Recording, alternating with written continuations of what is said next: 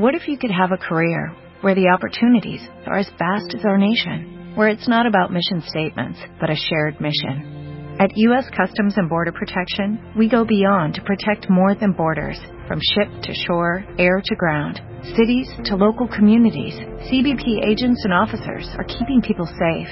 Join U.S. Customs and Border Protection and go beyond for something far greater than yourself. Learn more at cbp.gov/careers.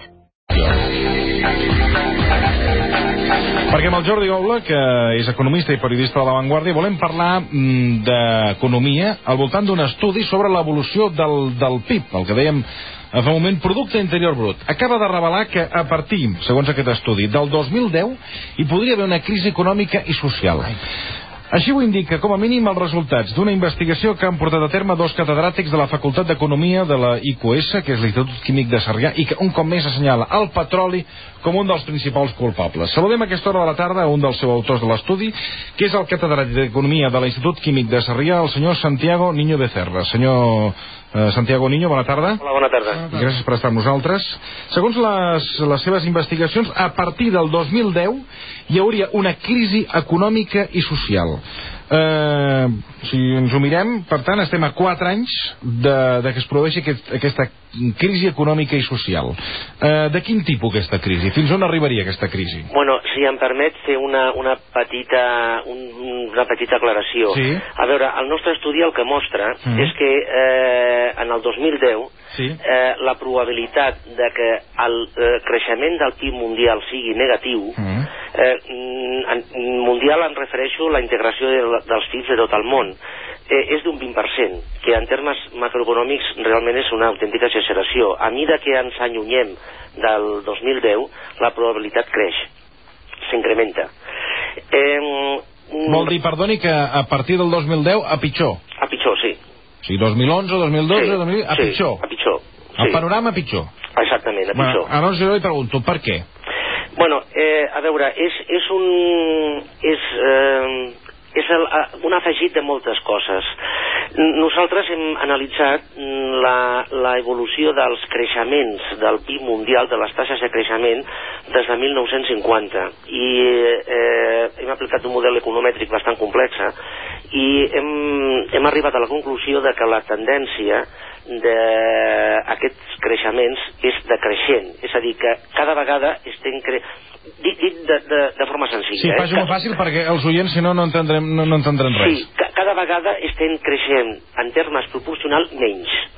Eh, amb això afegim altres coses. Eh, afegim que cada vegada eh, el, el panorama a nivell del, del dèficit dels Estats Units, de la tensió sobre el dòlar, eh, de la capacitat d'endeudament de la gent mm, cada vegada està, està més esgotada perquè cada ve- vegada la gent té més deutes les bombolles immobiliàries, bursàtils i, evidentment, la, la tensió que produeix el petroli.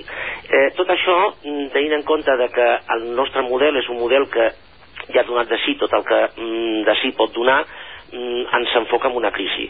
Això pot ser que, que soni una mica catastrofista i estrany, però si repassem els darrers 2.000 anys d'història, això ha passat mm, altres vegades, eh?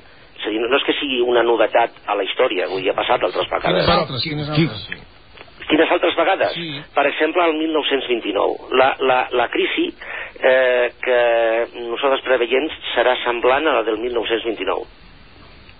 I el 1929 per què es va arribar a aquest col·lapse? És a dir, què, què és el que va passar? Bueno, el 1929, a l'origen remot de, de, el que va passar el 1929 foi, va ser a l'esgotament de la capacitat d'endeutament de la gent. Que és una mica el que comença a passar, no? Que la gent comença a anar carregada fins a dalt de tot de deutes. Sí, a, la vegada, als anys 20, la productivitat, mm, sobretot als Estats Units, Alemanya, Anglaterra, va pujar moltíssim, cosa que ara també està passant. Està passant. Eh, a, la, a la vegada mm, hi havia eh, tensions monetàries, eh, co com ara. Eh, home, hi ha diferències, diferències que empitjoren ara la situació. Per exemple, els dèficits.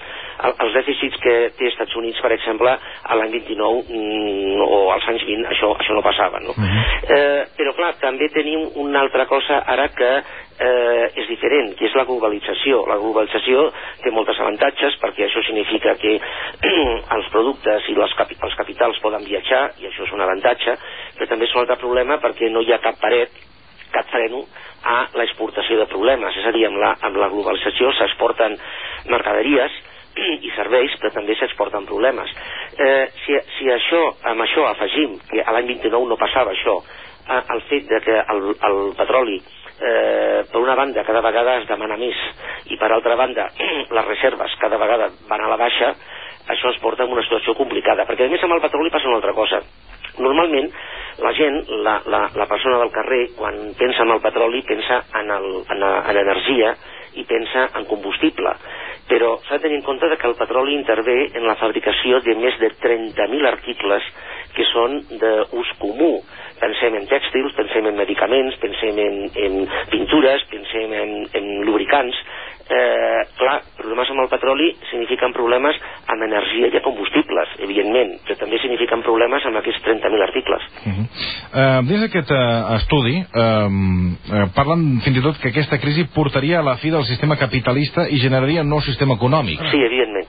Eh, a veure, el sistema capitalista, mm, això, a veure, això no seria nou realment. Vull dir, a l'any 73 i, i 79, amb la primera crisi de l'energia, ja, ja d'alguna manera va passar això. De, de, després de l'any del període 73-79, el capitalisme ja no va ser igual que abans. Eh, a, a veure, a, el capitalisme és un sistema que una, una de les seves columnes sobre la, les que es basa és que l'energia és inagotable mm, i, i des de que va començar el capitalisme així ha sigut que, que a, amb un sistema que es basa en això que aquest és un, un dels seus paràmetres bàsics de partida eh, se li digui, escolti, és que l'energia és agotable, això ja significa que aquest sistema ha de modificar els seus paràmetres de, de, de comportament. Mm. A més, hi ha, a més, hi ha altres coses. Per exemple, les tecnologies de la, de la informació i de la comunicació, les TICs, sí. eh, estan portant una sèrie de, de, de canvis que eh, abans amb, amb aquest sistema no, no, no es donaven. Per exemple, vostè pot eh, enviar un planell eh, ara a Jakarta. I mm, un segon després el tenen a Jakarta. Això dona una flexibilitat absolutament terrible. Eh, cada vegada la tecnologia és més barata, més fàcil d'utilitzar i a la vegada més sofisticada, és a dir, fa més coses. Mm. Eh, I, evidentment, cada vegada estalvia més mà d'obra, etc etc. No? Clar, tot això eh, fa que els, els basaments del, del sistema capitalista mm, vull dir, mm, canvin, hagin de canviar, amb la qual o, canvi, o estiguin canviant, amb la qual el sistema en si ha de, ha de modificar-se.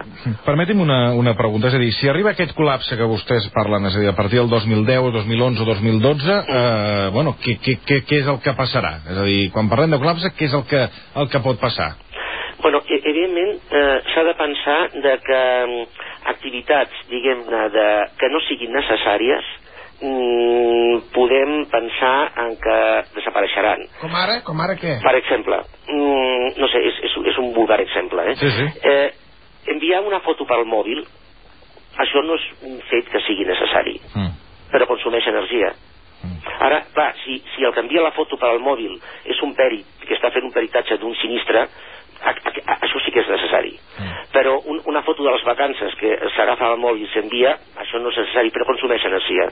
Eh, és a dir, activitats que no siguin realment necessàries podem pensar en que, i que, i que sobretot estiguin en, mm, connectades amb el petroli d'alguna manera, podem pensar de que seran racionalitzades. És a dir, viurem un retrocés. Què, què, què, què significa un retrocés? Bueno, que el PIB per capita... no, significa que si ara pots permetre't el luxe d'enviar fotografies i tot això, doncs, segons eh, el que vostè ens planteja, doncs tornem a agafar el telèfon sí. quan sigui necessari i agafar el cotxe quan sigui necessari I agafar l'avió i també agafar només. l'avió quan sigui necessari. Exacte. És aquest el plantejament. Sí, a dir, eh, el que passa és que dit així no sona bé. Mm, és a dir, no, no, no, la però, realitat- clar, jo toco de peus a terra. vull a veure, a veure, no? a veure, eh, mm, podem parlar, podem parlar de racionalització del, per exemple, de l'ús del petroli. Mm. Podem parlar això. Però això dir que, que, que, això sí- viatges de luxe, doncs, des d'aquest plantejament s'acaba el sector, per exemple, turístic, no? Tornarà a ser com abans, que els avions només els podien agafar a la gent que tenia molts diners.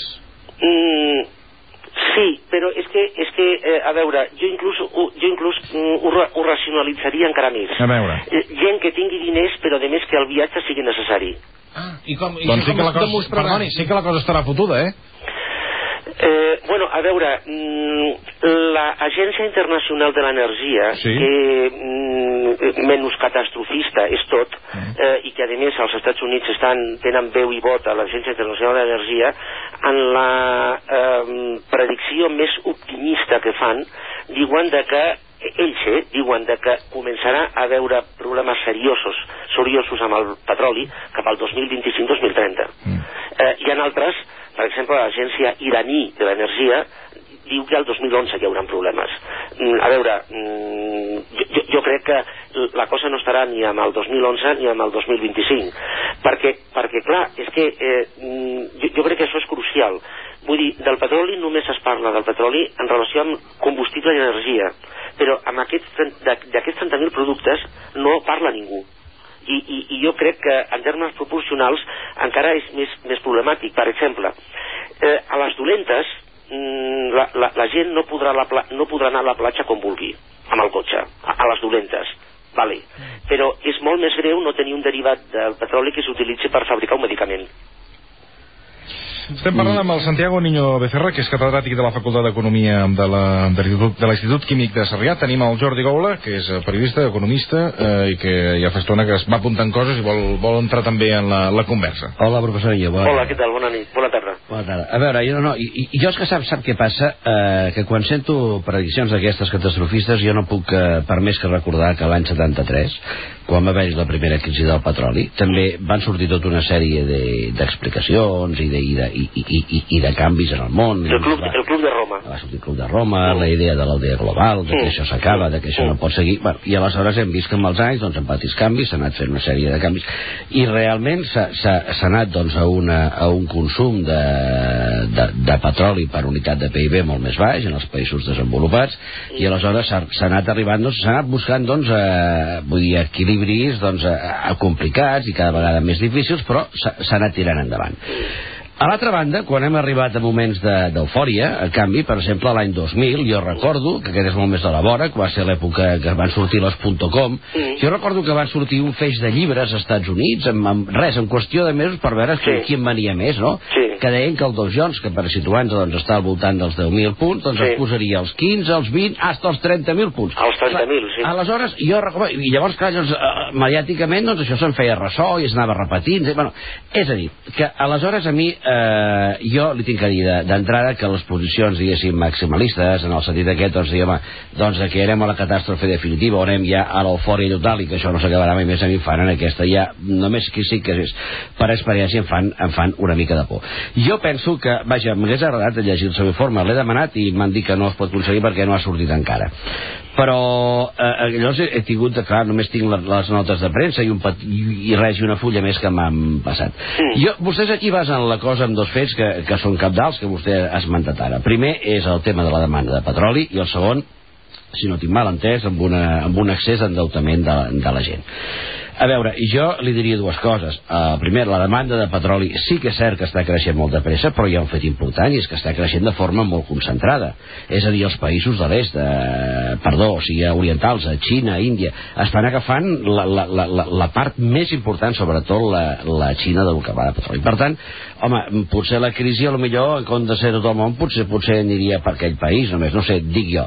I en quant a l'endeutament, home, l'endeutament global, a nivell global, també és important, però jo penso que aquí n'hem parlat molt, aquí a Espanya, per exemple, per posar un exemple molt proper, i parlem de l'endeutament amb hipoteques, de l'endeutament de les famílies, però clar, a l'hora de mirar, doncs també veiem que és un percentatge determinat de gent que està molt endeutada, però hi ha un percentatge majoritari doncs, que no està amb aquest endeutament. Per tant, això potser també afectaria doncs, a una part mm, no majoritària de la, de la població.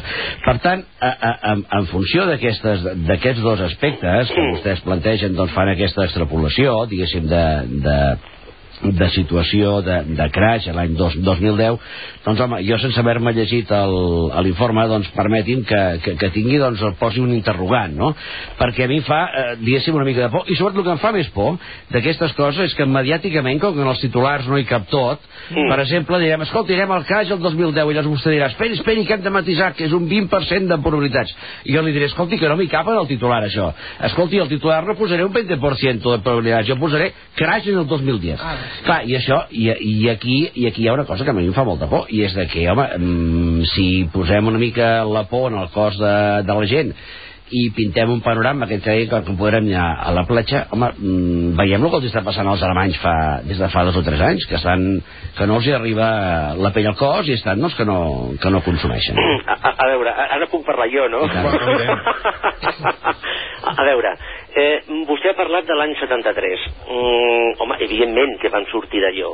Ara, què va posar, parlant de l'any 73-79, què va posar de manifest aquella crisi? Aquella crisi va posar de manifest eh, que eh, creixement econòmic i creació d'empleu havien deixat d'estar vinculades. Cosa que fins aquell moment sempre havien estat vinculats. És a dir, que si el PIB augment, augmentava, cada vegada es creava més empleu. Ara cada vegada es necessita menys gent per, per produir més. Clar, això significa que la productivitat està incrementant-se. Però clar, aquest canvi és absolutament radical. Uh, professor Niño, a la indústria, no als serveis, eh?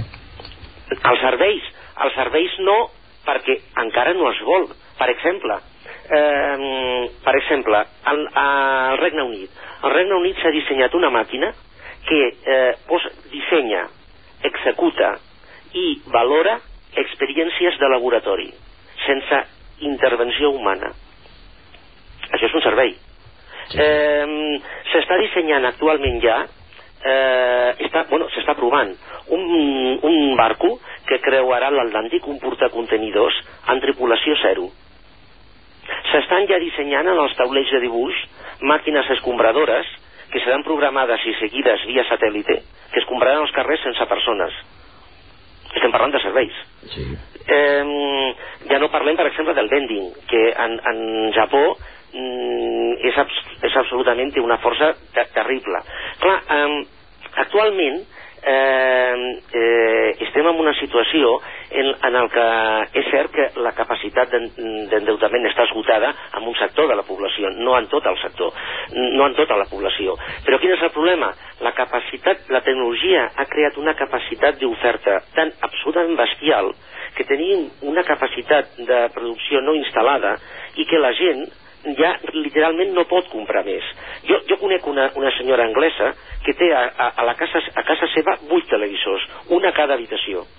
Però aquesta senyora, per molt que baixi el preu dels televisors, no podrà comprar un televisor més.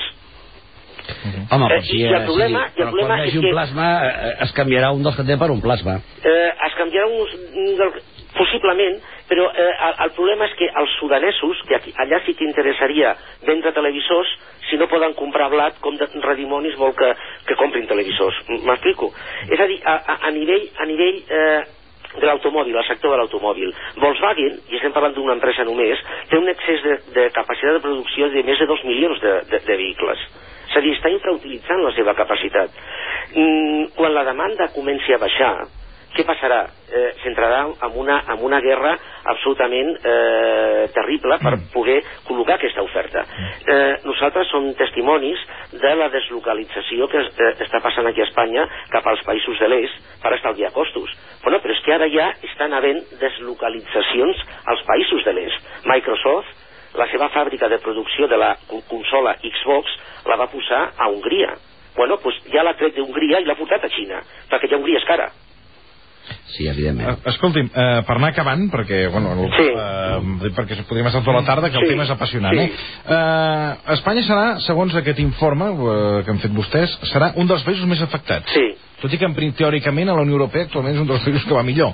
Bueno, que, que, Bueno, que va... és el que ens diu, eh? Que, Eh, bueno, això. que va estupendo i que Sí. tot va... Bueno, el- Espanya va bien, Espanya va bien. Exacte, o sigui, el Zapatero ha reinventant la frase, no sé exactament com ho va dir, però va dir que això, que Espanya Sí. anava de pel·lícula. Es, va dir Espanya va más que bien. Ah, Exacte, ah, exacte, sí, Sí. senyor, exacte. Sí, paraules textuals. Doncs eh, el 2010 Espanya va ir mm, peor que Mal. que mal. Sí, p- sí, per una raó. Perquè Espanya és un dels països d'Europa més dependent. Espanya bàsicament depèn, depèn de l'exterior en dues coses. Primer, amb l'energia. És a dir, Espanya és un importador net d'energia. I en segon lloc, Espanya depèn eh, del turisme per eh, compensar en part eh, el seu dèficit crònic eh, de balança de compte corrent. Per què? Perquè Espanya està important més del que produeix. Mm -hmm. I, I la desgràcia que té Espanya és que, almenys fins ara, eh, aquest dèficit mm, de, de, que té exterior no és produït per als Ferraris i els Audis que importa, és produït per la importació de maquinària que necessita per créixer. Mm. Eh, clar, un- una recessió d'aquest tipus que significarà? Significarà que el turisme es reduirà, els ingressos per turisme es reduiran, amb la qual eh, al marge del problema d'empleu que això pot crear, que pot ser mm, terrible, clar, eh, a nivell exterior eh, Espanya tindrà una, una valoració pitjor, etc etc. Això té efecte sobre la valoració de la seva deuta pública, bueno, etc. Eh, clar, Espanya serà un dels, dels països mm, que patirà més de produir-se un fet Per com tant, que aquest. el 2010, eh, molt animats. segons el panorama, quan la gent no pugui pagar hipoteques i això quedi col·lapsat, eh, què passarà? Bueno, eh, mm, jo, sota el meu punt de vista, el que passarà serà un, un, un acord polític. És a dir, avui dia és inimaginable la situació aquella de que Steinberg pin, pintava en les uvas de la ira, no? De, de, de, que va passar la depressió. Vull dir, avui dia és inimaginable. Jo crec que s'arribarà a un acord polític per fer una postergació de, de pagaments d'hipoteca, perquè mm, vull dir, avui dia és inimaginable a un país occidental com Espanya un percentatge de gent al carrer perquè ha sigut eh, eh, embargada per, per les institucions eh, creditícies. Sí, sí. Bueno, escolti, eh, realment estat, ha estat apassionant la, la conversa. Eh, espero que quan Sí, pugui, sí, puguin sí. servir ja, de, com reclamava el senyor Goula, tot l'informe ens el facin arribar, perquè el senyor Goula se'ns el mirarà amb... Em, em, permet, em permet només una paraula? Sí, molt una, ràpidament. Molt ràpidament. Sí. Jo el que aconsellaria a la gent Sí. és que eh, no s'endeuti a llarg termini i que Doncs els, escolti, la Però majoria... fa tard, home, tot. Fa tard, senyor Niño, fa tard. i que, els, i que els ingressos que la gent tingui ara Mm. els utilitzi per reduir deute. Jo és el, és, és el meu consell. Escolti, doncs qui el vulgui prendre, doncs ja l'ha dit. Sí, sí, sí.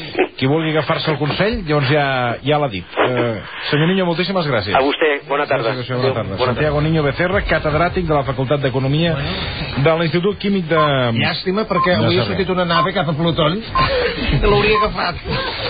Bueno, senyor Goula, quan tingui l'informe de, del senyor Niño, ja ens, jo l'acabarà prometo, d'explicar. prometo d'acabar-ho d'explicar. Vostè no ho veu tan magre. Home, a veure, jo penso que, que, que, tenim, que hi ha mecanismes correctors i que cada vegada, doncs, a veure, que la situació és complicada i que moltes de les coses que hi són absolutament certes, però que em sembla que també doncs, tenim ja mecanismes doncs, de, de no cal, de, de, de, abans d'arribar a aquesta situació, doncs, de... Clar, si no podem viatjar, no podem anar-nos en aquí Bueno, però si, no si podem segons el senyor. Niño, que eh, el tornarem a convidar al programa perquè crec que el tema és Sí, interessant. sí. Si, En arriba, si arriba sí, sí. un crac que no podrem, perquè atenció, ha arribat a dir Ni anar a la platja. que ni anar a la platja per oci. A veure, de, de, deixi'm que li digui una haurem cosa, d'anar senyor- senyor allò a prendre el bany de les la- aigües la- perquè tenim les cames la idea- Una carregades. a casa. La idea de crack, la, la idea de crack és, és la, eh, quan ell deia de l'any 29, la idea de crack és quan la, la borsa doncs, va, va tirant amunt molt fort, molt fort, molt fort. I per què? Perquè jo compro, perquè penso que demà doncs, podré vendre més car. I un bon dia, doncs, escolti, ja ningú compra. Mm. I aleshores el que valia 100 passa a valdre doncs, 50 en qüestió de- d'unes hores. Aleshores, el gran Mm. Això també va problema... passar al Japó el gran. I el gran problema que veig l'any 29 és eh, que fonamentalment la gent comprava les accions, comprava accions a crèdit. És a dir, jo pagava una i en comprava 10. Què va passar? Que aleshores, com que al baixar de preu les accions tothom volia vendre i com que ningú tenia quartos per poder pagar, es va muntar una cadena que va tinguer de tancar els brokers i va tinguer els bancs, ho van passar malament. Això en aquests moments, per exemple, ja no podria passar. No, però ell perquè- no, no, només ha parlat de borsa, eh? ell ha fet No, reflexió al voltant ell- del petroli, parlava l'endeutament eh, ell parlava- general, que ell jo crec que parlava sí que és important. Sí, sí però la, la idea de crack, he parlat de, del 29, és una mica, la, la idea és aquesta. Aleshores, això en aquests moments, diguéssim, ja no és possible, perquè no es permet. És a dir, la, la política monetària, doncs, la, la, el que fan els bancs, com van passar ara, doncs, quan hi ha hagut la crisi del... Però perdoni'm una cosa, setembre. els bancs, eh, l'altre dia llegia, no em faci dir la, la, la dada perquè no la recordo, però és el moment eh, històric que els bancs i caixes han donat més crèdits amb hipoteques. Oh, clar, evidentment, Doncs clar, és, això- un moment, és això- un moment que sí, sí, sí. Oh, Però això a la llarga, No, doncs aleshores, si ara patés alguna cosa, els bancs quedarien enrampats també. Els bancs quedarien enrampats, eh, que diu vostè, eh, si realment doncs, eh, no, no hi haguessin mecanismes de refinançament en un moment determinat o es produís una, una avalanxa de, de, de, de, de, de vendes en el mercat i- que no es poguessin doncs, comprar totes aquestes, totes les... És dir, que tothom deixés de, de pagar i, i, i els bancs tinguessin de posar al mercat tots els pisos que tenen com a garantia. Yeah. Home, aquesta és una situació que, home, és possible, hi ha una probabilitat, jo no sé quina és. Si Ara també li dic una cosa, si tots els No, bancs, clar, tots les vivendes que... que es deuen surten al mercat, no valdrien el que valen ara, vindrien Ara, la meitat de la ara, meitat de la ara, meitat. Però, eh, senyor Clapés, deixi que li recordi una, una cosa que és fonamental. Eh, en aquests moments, Mm. si tothom va, tothom va a un banc X, i no dic cap nom, el més poderós i el més solvent que hi hagi, i tothom diu, miri, torni'm els diners que jo tinc col·locats aquí. Si tothom va això, tothom fes això, Sí. aquest banc se'n va a la quiebra. Per què? Perquè un banc funciona precisament amb la confiança del sistema sí. i aleshores el banc sap que tenint 4 de cada 100 euros que té realment la clientela, en té prou i juga amb aquests diners. I aleshores funciona amb la confiança del sistema. Si tots demanem a fer cua a una entitat bancària a treure els diners, l'enfonsem. Aquesta idea no la dongui, perquè com la senti Oh, algun, oh. algun, de, Oh, algun de Madrid, això- algun, però això ha eh, passat, a la història ja ha fem passat. algun, A algun la banc o història passat. català, Ah. Doncs escolti'm, podem Sí, tenir això ha problemes. passat a la història. I És tant, que llavors el banc més solvent resulta que no, que no és en el moment que es perd la confiança en el Això sistema. passa Per amb això, Poppins. per això, per això amb els temes bancaris és tan seriós i, i, i, i no es pot fer bromes sentit de dir, escolti, quan aquests rumors va ser, no, escolti, deixem-te, no no pot ser. Per què? Perquè una retirada d'aquestes, encara que el Banc d'Espanya o el Banc Central Europeu hi vagi posant diners, doncs clar, dir, el, el deixa molt malmès. eh? No es rigui, senyor Clapés, que a Mary Poppins hi ha una escena en què surten, eh, tothom va a retirar els diners d'un banc Sí, senyor. i hi ha un No, dalt no, a baix. no, sí, senyor no, no, vos, anat a vos que sou una persona... És cert, Ha anat a buscar vostè Mary Poppins. És que Mary Poppins de donar una lliçó d'economia, cosa que la gent no sap. Jo vaig veure Wall Street, estic més modernitzat Ah, no, i més eh, Mary la pel·lícula. Wall Street. Vostè encara està en més Wall. Street i no sé com no està amb les pel·lícules dels dinosaures. Uh, senyor Goula, moltíssimes gràcies. Avui no tenim temps per res més. Molt bé, Ens doncs ja parlarem una altra Va, vegada. Ens hem quedat aquí, que jo estic Jo, per, mira, jo estic no, per no no. pagar la Home, jo, hipoteca i, jo surto esperar. garrativat, també. Perquè, a veure, el, és, és veritat, el que ell deia, doncs, home, de no endeutar-se llarg, però clar, si no, eh, si no ens endeutem a llarg en els moments en què els tipus d'interès estan Ja, ja, tan ja. baixos No, com estan està. ara, Sí. Però és que Acabo, una... de signar jo, eh? acabo de signar fa dos mesos una Ui! hipoteca a 40 anys. Què Adiós, he fer jo? adiós Madrid. I els, pots, I els pots anar tornant i ràpid. I, no, i aquí li he explicat això de les coses dels plàsticos, els plàsticos Sí, sí, de les els- mòbils, que com que s'acabarà això... Bueno, escolteu, que ho hem de deixar aquí, Adiós, que Madrid. hem de parlar amb eh, homes i dones del temps, que avui ens acompanyaran en la segona part d'aquesta hora del programa. Senyor Goula, moltíssimes gràcies. Aplaudiment pel senyor Gola. Fem una pausa i eh, quan tinguem l'informe, això sí que li demano, sí, sí, sí, sí, me'l sí, porta sí. que el repassarem. I tant, el repassarem de dalt. Gràcies.